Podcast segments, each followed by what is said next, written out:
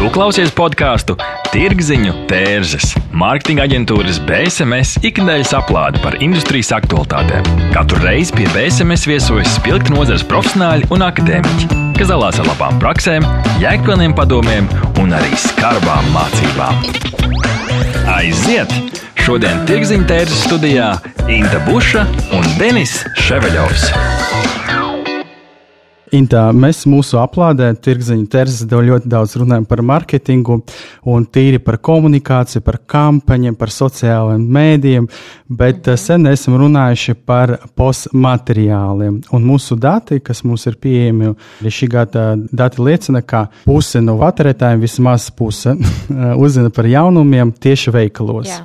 Mums postmateriāli tam palīdz un tuvojas Ziemassvētki, un uh, mēs gribam šodien parunāt par to, kā būt pamanāmam Ziemassvētku laikā. Tieši tāpēc šodien Tirziņu tērzes 33. epizode viesojas Ilona Regsdiņa, Maksima Latvijas pārdošanas veicināšanas daļas vadītāja un Raivis Heiselis, Rare darbnīca, reklāmas materiālu ražotājs. Sveiki! Sveicināti! Sveiki! Okay, tad varbūt iesildīšanai pirmais jautājums. Kā attīstījies postmateriālu Latvijā pirms par 20 gadiem? Kādas, kādas bija tādas pārmaiņas lielākas? Es varbūt varu sākt, jo tieši 20 gadus atpakaļ es izvietoju pirmos materiālus veikalos. Es biju Coca-Cola tirdzniecības pārstāvis. Un tajā laikā, teiksim, 2000. gada sākums, Viss bija par un ap plakātu. Jo vairāk izliksi plakātus, jo, jo tu būsi pamanāmāks. Uh, bet bija, protams, laiki, kad veikalu pārdevējiem, personālām tas sāka nepatikt. Viņi izdzina visus no veikaliem koridorā. Tas vispār bija cirks, kad ieeja veikala koridorītī, jo tajos laikos nebija tik daudz lielu veikalu. Viss bija vairāk groserī, mazie veikali. Un viss notikās koridorītī. Un, ja tu noliki plakātu jau pie preces veikalā, tu biji kings. Tu biji, tu biji karalis, tu biji izcīnījis vietu, un tas plakāts strādāja. Tā, tā tas viss sākās 20 gadus atpakaļ. Viss par un ap plakātiem, kartona stendi kaut kādi bija, plastikāta stendi, bet nevis šeit vietējie ražoti, bet, bet pārsvarā atvesti starptautiski un, un tāda veida. Tas pa pagātni. Īstenībā šobrīd ir tā, ka piegādātāji laipni aicināti izvietot savus postmateriālus veikalā. Es esmu, jā, tad par Maksimas pieredzi pastāstīšu vairāk. Un, un mums ir īstenībā. Tā ir tāda normāla rutīna, kad uh, gan mēs, kā Maksims uh, pārstāvi, komunicējam savus ziņas veikala vidē, gan arī mūsu piegādātāji ir laipni aicināti to arī darīt un diezgan, diezgan arī to izmanto. Jo Maksimā Latvija šobrīd tirgu ir 20 gadus Latvijā, un mēs šogad svinam lielo dzimšanas dienu. Un, un īsnībā esam. Apsveicam! paldies, paldies! Īsnībā lielākā dāvana no mūsu pircējiem šogad bija apbalvojums, kad Maksim ir populārākais zīmols Latvijā. Nu, tā ir tā kā ku, Tas ir ķirsītas kūkas, un, un, un mēs esam ārkārtīgi pateicīgi saviem pircējiem uh, par to, uh, ka mēs esam populārākais zīmols Latvijā. Un, uh, un kaut ko laikam mēs darām pareizi. un, un, un, un tas nozīmē, ka uh, mūsu izvēlētā stratēģija, zema cena un kvalitīvs produkts ir pareizs. Tā ir tā lieta, kas uzrunā mūsu pircēju, bet īstenībā mm, ļoti svarīga lieta ir tā komunikācija kā mēs nododam pircējiem.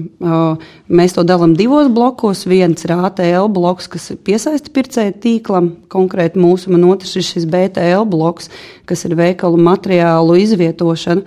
Veikalā, veikalā izvietot pareizos postmateriālus, kā arī drukātie izdevumi paskastēs. Tas, ko mēs redzam evolūciju pa šiem 20 gadiem, ir papīra kvalitāte.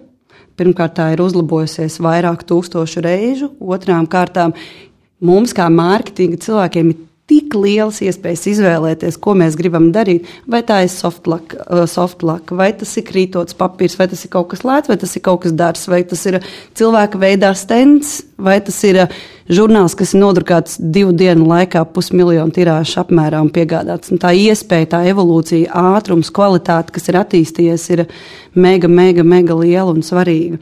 Otra lieta - drukas tehnoloģijas. Domāju, ka, ka tu zinās noteikti labāk par mani. Gan drukas, gan materiālu veidi, kas ir ienākuši Latvijā, ar kuriem var darboties. Ja, ja, kaut kad, man liekas, desmit gadu atpakaļ bija tas, kad es aizgāju pie savu piegādātāju, sadarbības partneri, un viņš saka, mums būs iespēja apdrukāt koku. Mums būs iespēja apdrukāt metālu. Wow, cik tas bija forši! Riktīgi. Un, jā, nu, mēs arī to izmantojam ikdienā, bet, protams, tāds, tās ekskluzīvās lietas ir dārgākas, un tev vienmēr jāskatās ir, uh, saistībā ar budžetiem vai ko un kā tu vari atļauties. Mhm. Nu, protams, tas, ko mēs baudām mūsdienās, tā materiāla pieejamība. Mēs klientam varam piedāvāt piecus dažādus risinājumus pie pieciem dažādiem cenu līmeņiem. Tad mēs ar klientu, kad runājam par konkrētu risinājumu, mēs arī uzprasām uzreiz, cik, cik budžets uz to, cik paredzēts. Tad mēs attiecīgi piemeklējam arī risinājumu. Jā, tā ir, ir nepieciešams. Tā ir, Jā, ļoti, ļoti vērtīga uh, izvēle. Un īstenībā, nu, ka, ko mēs darām kā mārketinga cilvēki, mēs no sākuma saprotam, kāda ir mūsu auditorija, kā lai mēs uzrunājam, vai tas ir turīgāks, vai tas ir mazāk turīgs uh, iedzīvotājs. Tad viņam arī piemeklējam gan to piedāvājumu, gan to materiālu veidu. Un tā kā tas būtu tiešām domāts viņam. Ok, un vēl maza piebilde, protams, ka arī patērētājs ir pieradis pie tā, jo, jo arī bieži braucam uh, pa veikaliem vizītēs, lai redzētu, kas jauns ir. Šodien arī vēl Akropolis Maksimu iztaigāja. Nu, principā pircējs jau ir pieredzējis, ka viss tur ir smuks, spīdīgs, viss dizains, visas bildes ļoti garšīgas un kaut ko tādu jaunu vēl papildus tur ļoti jāpacenšas. Gan aģentūrām, gan veikaliem, gan mums kā ražotājiem, lai pārsteigtu. Tad, tad sanāk, ka pirms 20 gadiem pircējs nebija tik pieredzējis un varēja pietikt ar vienkāršu plakātu, tagad mums vajag piesaistīt cilvēku uzmanību ar kaut kādām, nu, neizvērtībām, bet vismaucinājumiem. Okay, kas tad, tad Raivi, jūs teicat, ka nebija toreiz pirms 20 gadiem tik sakartot tās procesi, ja, kā ievietot postmateriālus? Vai kā, kā, nu, vai... Tas viss vienkārši sākās, attīstījās. Tur eh, nebija tādas izstrādes, neviens vēl nebija pieredzējis, jo tagad mēs tā esam ļoti pamatīgus preču izvietojumus. Citreiz tas ir minimālisms tieši kā tas izskatās, bet vienmēr jau es pats esmu par minimālismu, kad uh, piemēram smaržu veikalos ir smuks stends ar vienu pudelīti. Bet nu, maksimāli vai tādām alu, alus ražotājiem vai citiem viņiem vajadzīgs, lai tur arī ir preci, ko ko klients Kvantitāti. var paņemt tieši jā. tā. Un tāpēc meklējam tos uh, ceļus, bet uh, principā visu tagad taisam diezgan pamatīgu. Lai ir pircējiem interesanti, dažādas interaktīvas aktivitātes, tur ir arī jāieliek, tur laimes ratu pagriezt, kādu podziņu piespiest. Tas ir tas, kas ir vajadzīgs, kāda gaismiņa iedegās vai, vai mūzika spēlē, un tāda daudzveidība. Tas ir tas, ar ko var uzrunāt ja mums ikdienā jāpārsteidz pircējs. Ir, mēs esam daudz mazumtirgotāji, mūsu sadarbības partneri, piegādātāji, kas pārdod preces, ir ļoti daudz, un katram jāatrod tā savu nišu un kā uzzināt pircēju. Agrāk tas tiešām bija papīrs, papīrs, papīrs, un tagad ir kaut kāda digitālais aspekts, kaut kāds audio, video aspekts tajos pašos preču izvietojumu stendos, un tu tur var daudzīties ļoti, ļoti plašā spektrā. Vai tev tur ir griežās kaut kāds video rullīts, vai tev ko vēl kāda papildus skaņa nāk, un vēl smarža. jo, jo pircējs jau ir emocionāls. Viņš ienāk veikalā, nedod Dievs, viņš nav paēdis pirms tam. Viņš pēc smaržas aizies un nopirks visu, ko vien var. Tā kā, nu, tās ir tādas lietas, tādi mārketinga triki, saucamie, ko mēs ikdienā arī. Bet jā, viens ir, teiksim, paņemt vecās lietas, ko, nu, tās, kas jau ir tirgu, un viņas apdeitot vai ar materiāliem, ar izpildījumu, bet otrs ir arī veidot jaunu. Tas ir tas, ko tu teici, vai ne, ka ir jāpārsteidz tas patērētājs mm. ar kaut ko jaunu. Vai jūs redzat šo 20 gadu attīstības laikā, ka ir kaut kādas lietas, kas ir pilnībā pazudušas? no, teiksim, postmateriālu saimnes un kas vienkārši vairs nav aktuāls vai pieprasīts. Vai pilnībā pazudis to varbūt pat uh, eh, maksimāli vai vairāk iekomentēt? Nu, mēs zinām vienkārši, kad ir svaru kausi pārsvērušies, kad tie paši A4 plakātiņi, woblerīši tos ražo daudz, daudz mazāk, nu, miljoniem reižu mazāk.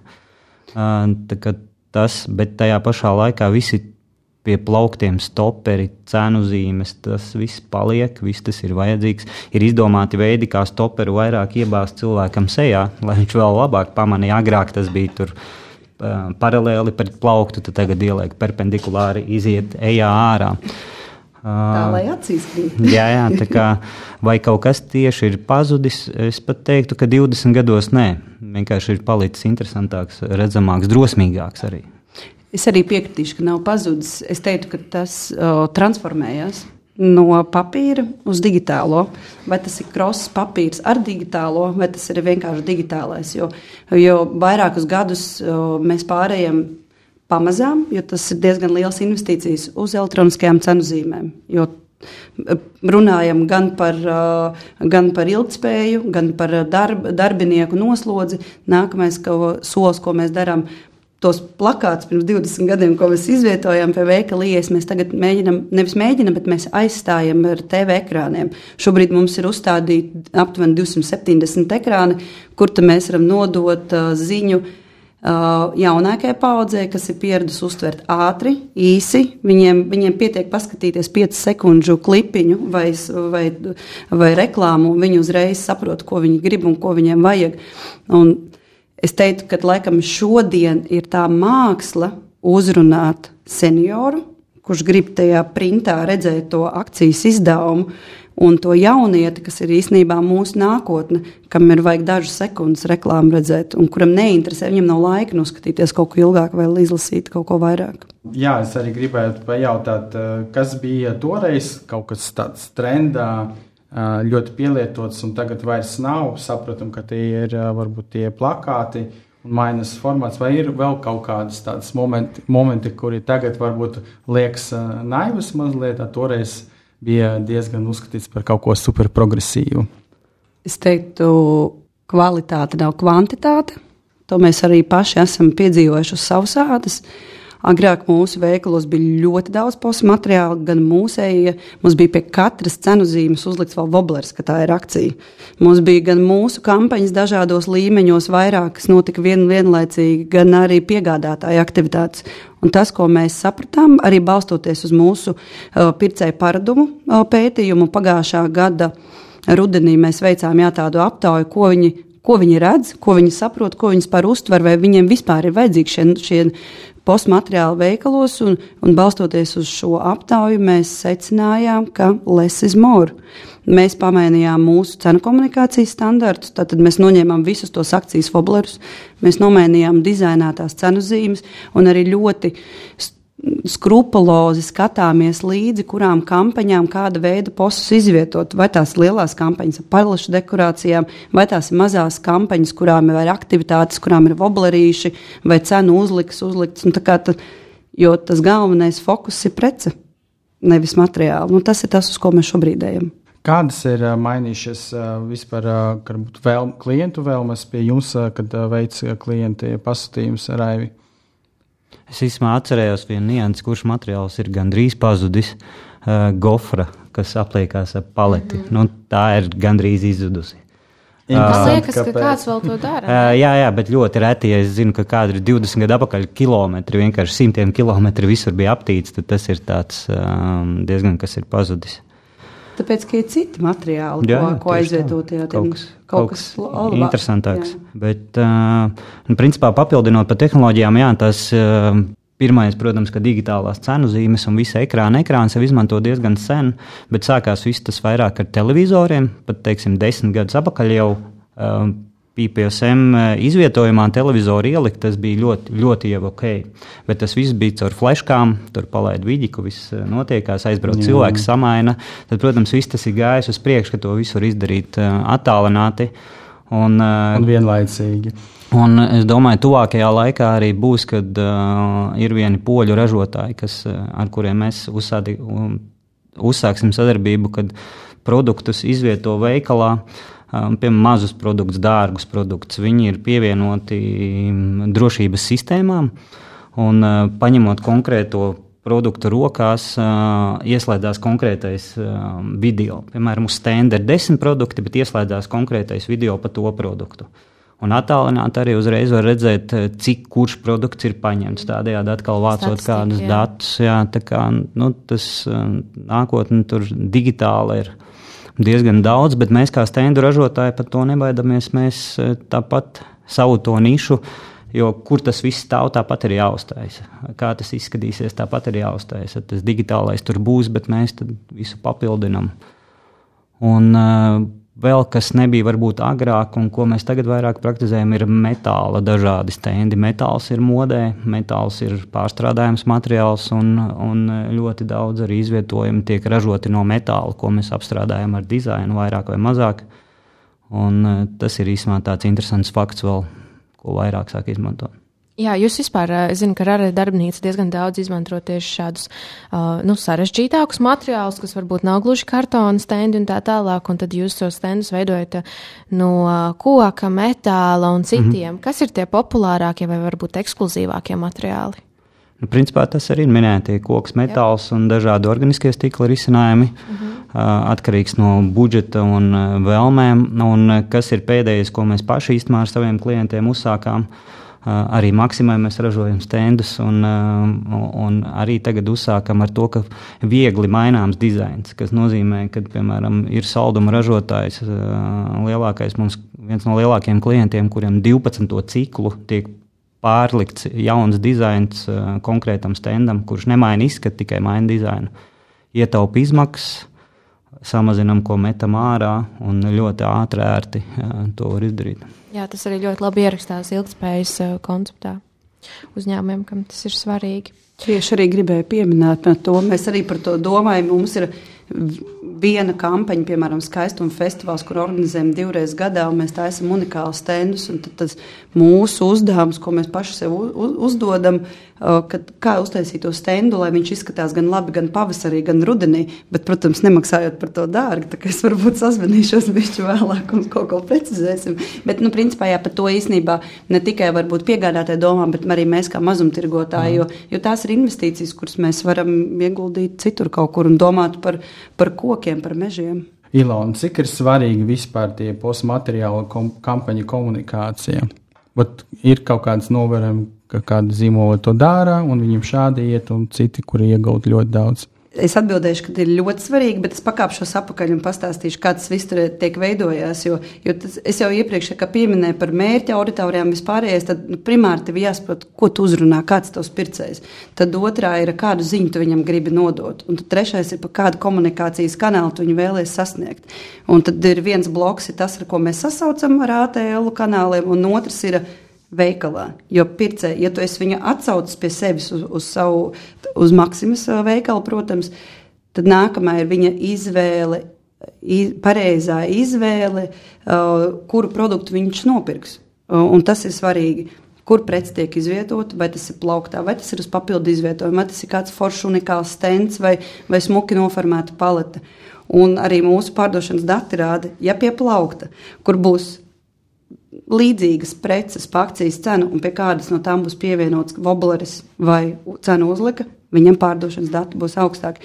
Jo pircējiem gribās to papildus tādu benefitu iegūt, vai tā ir kāda loterija, vai tas ir kaut kāds uh, veikalā uz vietas noskaidrota produkta īpašība vai kvalitāte, ko viņš var iegūt. Tad nu, viņam ir svarīgi uzzināt kaut ko vairāk par to produktu. Un, ja ir tā papildus materiāla izvietošana, tad, tad tas ir kā plus. Bet vai jūs arī šos datus ievācat un analizējat arī, ja? Tad jā, kā strādā jā. šie reklāmas materiāli? Jā, jo mēs arī izvēlamies, tad, kurai, kurai aktivitātei kādus materiālus izvietot, pie kurām precēm arī kaut vai tu izvieto nedaudz lielāku cenu zīmi arī lielāka izmēra, un tas arī pa, pa, palielina pārdošanu. Tas ir svarīgi, bet tu nevari noklāt visu veikalu pa materiāliem. Tad tas vairāk nestrādās. Ir ļoti jādomā koncentrēti un pareizi un uz pareizajām mērķa auditorijām un, un konkrētajā laikā vai precīzākajā laikā organizēt šo aktivitāti. Tieši ar to ir saistīts mans nākamais jautājums. Mēs šodien runājam par Ziemassvētkiem, un tad, tad mums arī klausās daudz iegādātāji, un viņi tagad plāno tas aktivitātes. Tad, ko viņi, un tad viņi ar jums runā visdrīzāk, un tad jūs zināt, kā vajadzētu tikai dažus izcelt. Kā, kas, cik tas ir svarīgi vispār būt pamanāmam Ziemassvētkus, un kā tad uh, izcīnīt jūsu uh, uzmanību tam konkrētam piedāvājumam? Ir trīs pīķi uh, mazumtirdzniecībā. Ziemassvētki, Lieldienas un Līgo. Tad pārdošanas ir uz urā, pircēji ir šturmē veikals, viņi, viņi, viņi pērk visu, kas ir, kas ir, nu, kā, kas ir pieejams. Un, ja, ja, ja runājam par konkrēti par Ziemassvētkiem, tad pircējs izdara izvēli emocionāli, prece, noformējums, tas dod to sajūtu, ka tu ej un tu tajā groziņā liec visu iekšā, ko var ielikt. Tad ir tā mūzika, kas tev arī iedod to pozitīvo emociju, un, un trešais ir tā smarža. Visi tie trīs komponenti.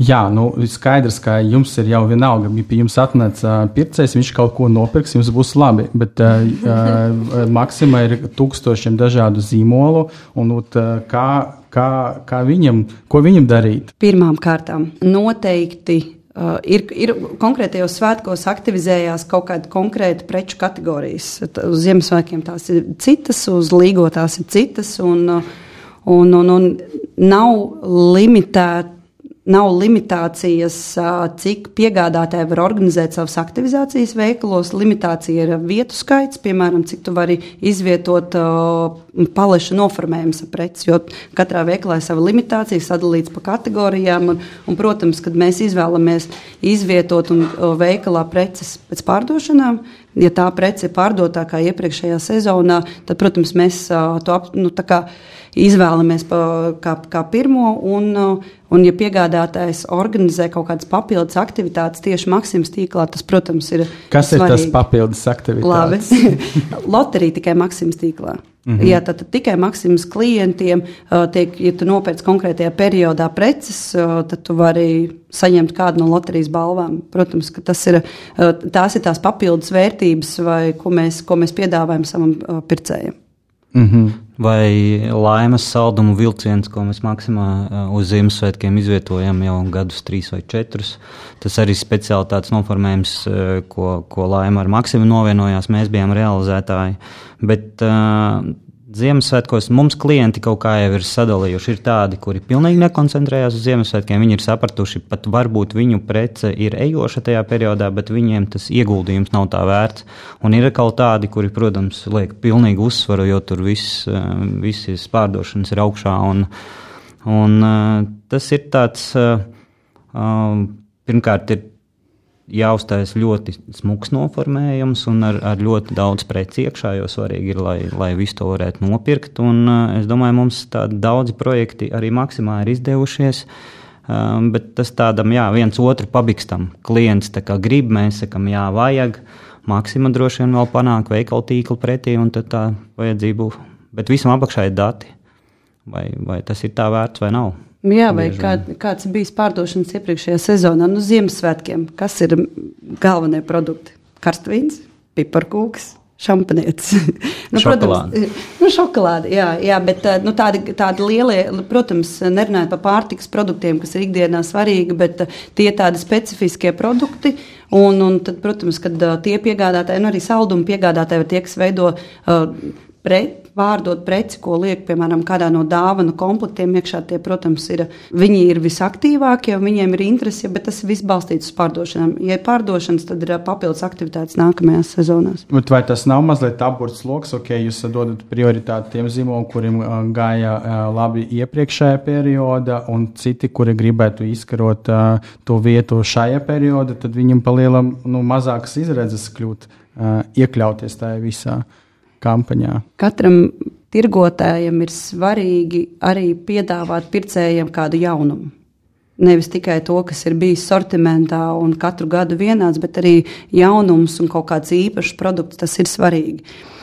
Uh, mēs esam tikai kā tirgotājs uh, šie precei, bet ja piegādātājs vai šis ražotājs vai, vai, vai uh, tātad, ja, ja ja preču tirgotājs veido savu mārketinga aktivitāti, mēdījos reklāmas stāsta par produktu labumiem, iespējām, taisa papildus aktivitātes, tad noteikti viņam būs arī labas preču pārdošanas. Jo ir bijuši dzīvē tādi gadījumi, kad ražotājs uzražo savu preci. Viņš, viņš nopērk pie mums izvietojumu, viņ, ir, mēs izvietojam šo preci, bet pircējs neko par to preci nezina. Un, ja nebūs, ja, protams, mēs par to stāstām caur saviem izdevumiem, akcijas, un arī pirc, pārdevējiem, preču pārdevējs, kas pārdod maksimāli, tā es jau biju domājis, arī viņiem ir jātaisa aktivitātes, lai pastāstītu par savu produktu labumiem. Un, ja, ir, ja, ja to dara kopā, tad, protams, ja nāk laicīgi uh, pie mums uz pārunām, tad, uh, protams, ka tiek iekļauts Ziemassvētku sortimentā, un mēs esam priecīgi par jaunumiem. Un it īpaši mēs arī atbalstam vietējos ražotājus. Ja nav tā, ka atnāk lielie koncerni, kas ir startautiskas kompānijas, un, nu, protams, ka viņu preču pārdošanas ir labākas, bet uh, mums ir ļoti svarīgi vietējie zīmoli, vietējie ražotāji un atbalstīt viņus, un to mēs arī darām. Mm -hmm. okay, tad, tad, uh mīļie klausītāji, lūdzu, kad mēs plānojam kampaņas un veidojam stratēģiju, nevajag koncentrēties tikai uz BTL vai tikai uz ATL. Tomēr jāveido kaut kādu mārketinga miksu, jo lielam mums ļoti grūti paredzēt, kuda, kurā momentā mūsu galva patērētājs pieslēgsies mūsu komunikācijai un jābūt laikam visas kanālos. Mēs esam arī noskaidrojuši, vai rīdziniekiem patīk Ziemassvētku dekorācijas veikos, un par šo mēs uzzināsim pēc nelielas pauzes. Neatbildami jautājumi, sarežģīti lēmumi. Sazinies ar Norstat. Mēs palīdzēsim. Norstat. Tas ir draudzīgs servis, innovatīvi risinājumi un kvalitatīvi dati, lai to varētu pieņemt veiksmīgus, datos balstītus lēmumus pievienojies vairāk nekā simts Latvijas uzņēmumiem, kas uzticas vadošajiem datorisinājumu nodrošinātājiem Ziemeļeiropā. Mūsu mērķis ir atvieglot tavu dzīvi un ļaut pieņemt pareizus lēmumus. Norstat - vērtīgi dati svarīgiem lēmumiem. www.norstat.lv Okay, mēs esam pajautājuši arī rīzniekiem, vecumā no 24 līdz 40 gadiem, vai viņiem patīk Ziemassvētku dekorācijas veikos, un tikai 7 procentam tas nepatīk. Drīzāk nepatīk, un galīgi nepatīk zem 1%. Laikam cilvēki gaida Ziemassvētkus. Visiem patīk Ziemassvētkus. Visiem patīk Ziemassvētkus. Tas ir labas ziņas. Un, um, jā, To tālāk runājot par mūsu tēmu, mēs esam pieskarušies mazliet tam jautājumam. Tad, tad gribu uzzināt par postmateriālu nākotni. Kādas vispār ir iespējas? Mēs industrijā daudz runājam par tiem sensoriem, par ilgspējību. Kādas ir tādas no ražošanas puses, kā izskatās nākotnes postmateriāli?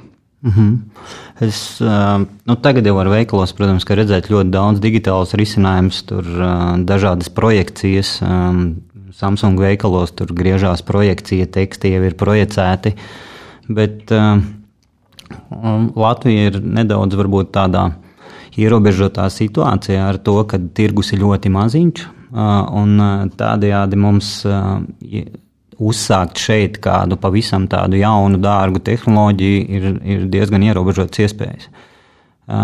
Jo pircēji ir cik viņi ir, klienti nav gatavi varbūt tik daudz um, tērēt uz tik mazu tirgu, un, un tāpēc varbūt mēs attīstāmies nedaudz lēnāk kā, kā Eiropa vai Amerika tajā sakarā.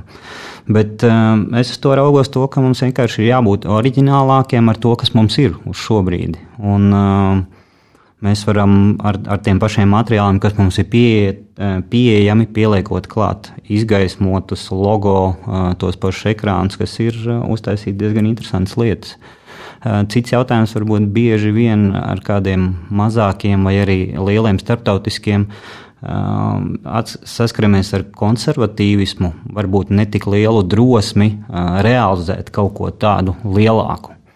Varbūt veikalos ir kaut kādi ierobežojumi, varbūt budžetos, bet, bet bieži vien jūtams tāds, nu, izdarīsim šitā, kā jau esam iesākuši, un uh, varbūt nav, nav gatavi uz uh, lieliem tādiem, jo mēs jau kā rari tiešām gribam izdarīt pēc iespējas labāk un smukāk. Jā, man uh, uzreiz šeit piebilstams tik daudz uh, situāciju, jo esmu redzējusi, dzirdējusi, kur uzņēmums atnāk un lieli plāni, skaistas idejas, viss no Pinteresta, tur global trends, vienkārši viss sabliest vienā kampaņā un liekas, o, tuli būs un beigās, nu, uztaisim tos standarta stendiņus produktu ar kartonu, tur, nu, tā pa vienkāršo. Tas tā bieži notiek, uh, Raivi, pie jums arī. Jā, jā, tā ir. Sā, sākam ar, ar tādiem izskatīgiem standiem no, no dārgākiem materiāliem un beidzam ar pavisam vienkāršu Un, bet nu, galvenais, protams, ka nu, mēs ejam klientam pretī. Ja, ja, ja esam sākuši ar to, tad mēs arī uztaisīsim lētāku vai netik izskatīgu risinājumu, ja viņš to ir gribējis. Bet mēs katrā ziņā esam gatavi un drosmīgāki darīt vairāk nekā uz šo brīdi varbūt daudzi klienti izvēlās. Nu, es domāju, ka tas lielā mērā ir tieši saistīts ar uh, mūsu pieminēto jau budžeta jautājumu arī. Budžets un reizēm arī drosme un varbūt uh, nu, ceļši lielās starptautiskās firmās uztaisīt kaut ko. Es pats esmu tādā strādājis. Tai jābūt ļoti lielai iniciatīvai no sevis, e, pašatdevēji, drosmei vispār kaut ko tādu izbīdīt caur konservatīvu lielu uzņēmumu. Un tas tāpēc vienmēr nebūs budžets, tas var būt. Un vēl arī, kas diezgan izteikti tie uzņēmumi ļoti daudz Latvijā, kas ir starptautiski, viņiem ražo starptautiski stendus, veikalu materiālus, pārsvarā tie ir tādi kartona palēti risinājumi, Bet tie, kas vairāk vietēji eh, ir dotas pilnvaras, nevis tā kā Latvijas uzņēmumi, bet tieši starptautiskiem uzņēmumiem, bet pilnvaras vairāk vietējo rokās. Tie ir drosmīgāki un viņi uztaisam labākus risinājumus ar viņiem, mūsuprāt, smukākus, un, uh, attraktīvākus un pievilcīgākus. Bet varbūt tā ir arī tāda estētiskā gaume. Arī, ne, jo liela, liela daļa materiālu nav nekāds noslēpums, tiek ražot Polijā vai Lietuvā. Un, uh, viņi tiek ražoti par tiem lieliem uzņēmumiem, ko tu runāji. Es pat tāds ļoti daudz zinu. Viņi tiek vienkārši vairumā uzreiz reģionam lielam ražoti. Un pēc tam vai nu tur kaut kādas tur uzlīmes adaptētas vai vēl kaut kas, un tad tā komunikācija papildināta. Bet jā, tad viņi tiek vairumā ražoti. Viņi ir vienādi, viņi ir ļoti basic risinājumi. Mm -hmm. Bet arī šeit mēs um, pēdējā pāris gados, ko uzsākām, piemēram, uzņēmumiem starptautiskiem ir saražoti ļoti daudz kartona stendi, un viņiem paliek piemēram viena fūri pāri ar stendiem. Un tas ir nu, 25 paletes ar stendiem. Vai nu viņas vienkārši izmet, vai mēs viņus sākām mainīt viņām dizainus uz jaunām akcijām. Mēs viņus pārlīmējam, mēs novienojamies ar klientu, kā tam stendam jāizskatās. Uz jaunu akciju. Un, tagad ļoti divas lielas partijas mēs pārtaisījām kartonu stendus un viņus izmanto atkārtoti. Tur mēs arī meklējam iespējas, ko kā mēs varam palīdzēt panākt pretī. Jā, tieši ar šo arī saistīts mans nākamais uh, jautājums. Gribētu iezīmēt, kādas ir tendences postmateriāls tīri ar corporate social responsibility. Vispār cik ir etiski tagad veltīt resursus kaut kādām tādām vienreizējām akcijām, ko darīt ar materiālu pēc kampaņām. Un tas, ko jūs teicat, Raivi, par to, kā jūs pārlimēt, pārtaisiet tos esošus saražotus stendus uz jaunajām kampaņām, tas bija saistīts ar vēlmi nu, nodarīt mazāk kaitējumu ārkārtējai videi, vai tas ir tomēr kaut kāds bija um, naudas jautājums? Tas nebija. Tajos gadījumos tas nebija naudas jautājums, jo pārtaisīt dizainu izmaksāja 99% no jauna stenda uzražošanas. Tas nebija lētāk. Tas bija tiešām vairāk tā, ka eh, nevis tagad metīsim ārā un nodarīsim kaut ko, bet pārtaisīsim. Tas pats nākamais ir tie viegli pārbrendojamie stendi. Tas ir tas, ko mēs esam uzsākuši darīt, lai, lai tie stendi nemestos ārā.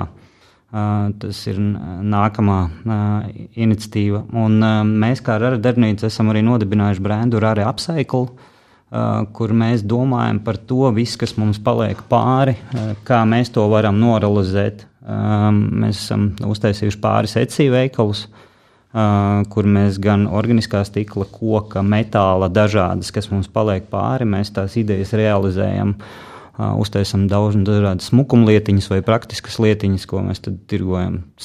Ar vienu aktivizējamies, lai tirgotu uz visu pasauli, jo tas mums ir tāds pavelti materiāls, vai nu mēs viņu izmetam un, uh, un uh, nodaram kādam pāri, vai, vai varam realizēt, un viņš paliek citā idejā realizēts. Ja tas ir tas, kas mēs arī jau pa, pa pāris gadus pēdējos par to ļoti domājam un ļoti aktivizējam. Mm. Kā esat nonākuši līdz tam? Tas bija iekšējs jūsu nu, aicinājums. Nu, viens ir tas, pat, uh, pats pirmais ir, cik daudz mēs paši redzam, cik mēs metam ārā. Ja kādreiz, piemēram, organisko stiklu bija, kas, kas paņem Latvijā uh, uz pārstrādi, tad tagad Latvijā nav tādu uzņēmumu, vairs, kas paņem organisko stiklu uz pārstrādi. Un tad, protams, mēs sākam domāt, ko mēs varam ar, ar to izdarīt. Tur ir gan biznesa, gan, gan kaut kāda atbildība par to, uh, ko mēs ar to darām, kur tas viss paliek. Ilona, kāda jums ir pieredze? Ja runājam par ilgspēju, Jā. tad uh, jau ilgāku laiku mēs uh, mūsu kampaņu materiāliem izmantojam otrreiz pārstrādājumu papīru, jo mēs drukājam diezgan daudz, un, un mums aktivitātes ir gandrīz katru nedēļu ar dažādiem uh, dažāda lieluma vai vairuma postmateriāliem veikalā. Ja tas ir primāri, kad mēs dodam otrreizēju pārstrādāšanai, bet ne tikai postmateriālus, bet mēs arī šķirojam gan plēvi, gan metālu, gan stiklu, gan papīru. Nu, visu, visu, kas nonāk. Maksimus noliktavā, ne, ne prece, protams, tas tiek pārstrādāts un, un, un, un dot otrā elpa. Bet, ja runājam par tādu ilgspēju, tad, manuprāt, mēs drukāsim tik ilgi, kamēr būs mūsu paudze. Un tad, kad nāks jaunā paudze, digitālie cilvēki, viņiem nevajadzēs to printu. Printu vajag tam cilvēkam, kas saņem akcijas izdevumu paskastē. Man ir tāds smieklīgs stāsts, kad mēs pamēģinājām iekšēji bišķīt. Um, savu procesu, kad viņi saņem mūsu ikdienas akcijas izdevumu, kas ir drukātais. Mūsu zvanu centrs bija vienkārši nogāzts, ka viņi zvanīja tie cilvēki, tie pircēji, kur ir tas mūsu akcijas izdevums. Mēs nedaudz tikai pamainījām. Nu, tas ir tas pieredums, ka tev vajag to izdru, izdrukāto versiju, jo ir viss ir digitāli. Tiem, kas ir jaunie, tie skatās digitāli. Bet, nu, Es viņus nevaru nosaukt par vecāku gadu gājumu, bet tā, tādi ekonomiski stabili iedzīvotāji. Kā jūs nomainījāt? Ko jūs izdarījāt citādi? Mēs pamainījām dienas kad mēs izplatījām. Tas vienkārši, vienkārši divas dienas vēlāk izplatījām. Bet eh, tas nebija tikai tāpēc, tas nebija tāpēc lai mēs kaitinātu pircējus. Mēs vienkārši iekšēji pārskatījām savus procesus, un, un tas bija viens no tiem soļiem.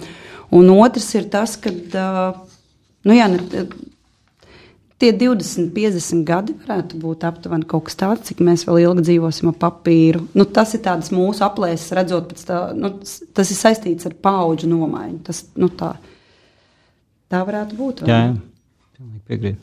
Okay, tad uh, es ceru, ka mēs uh, katrs varēsim šo arī piedzīvot, arī mūsu klausītāji. Okay, un tad um, arī um, vēl viens jautājums, vai vispār mēs varam runāt tagad par CO2 neutralitāti posēm uh, kontekstā, vai ir kaut kāda pieprasa piegādātāja, lai jūs būtu, nu, ok, mēs sapratu, ka jums mākslinieks teiks, ok, uztaisiet mums, mums materiālus no recycled papīra, vai ir kaut kāda citi, citas prasības, varbūt kaut kāda pieredze no ārzemju kolēģiem. Es pat teiktu, ka tas uh, tieši recycled, tas, tas ir viens no, kas nāk iekšā. Un tad ir mums, uh, es nezinu, tas vairāk nav saistīts ar šo, bet ir, ka klients uz kādām kampaņām ir iedomājies, ka šo stendu drīkst taisīt tikai no koka. Šo stendu drīkst taisīt tikai no metāla, jo mums tā pamat koncepcija uz šo produktu ir tāda, vai, vai jaunais virziens ir tāds. Tā kā klienti par to sāk domāt.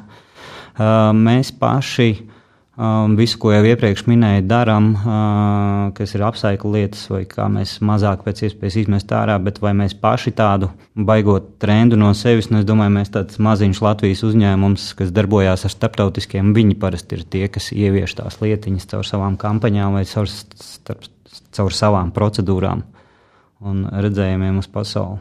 Jo viss, kas ir pārstrādājams, vai tam, kam mēs dodam otru elpu, nu, tas tas nemaksā lēti, laikam tā es varētu teikt, jo tam, tam visam ir papildus finansējums. Jo, protams, ka vieglāk ir izmest miskastē un par to aizmirst, bet, ja tu domā par ilgspēju, nu, tad tev ir nedaudz arī jāieguldās.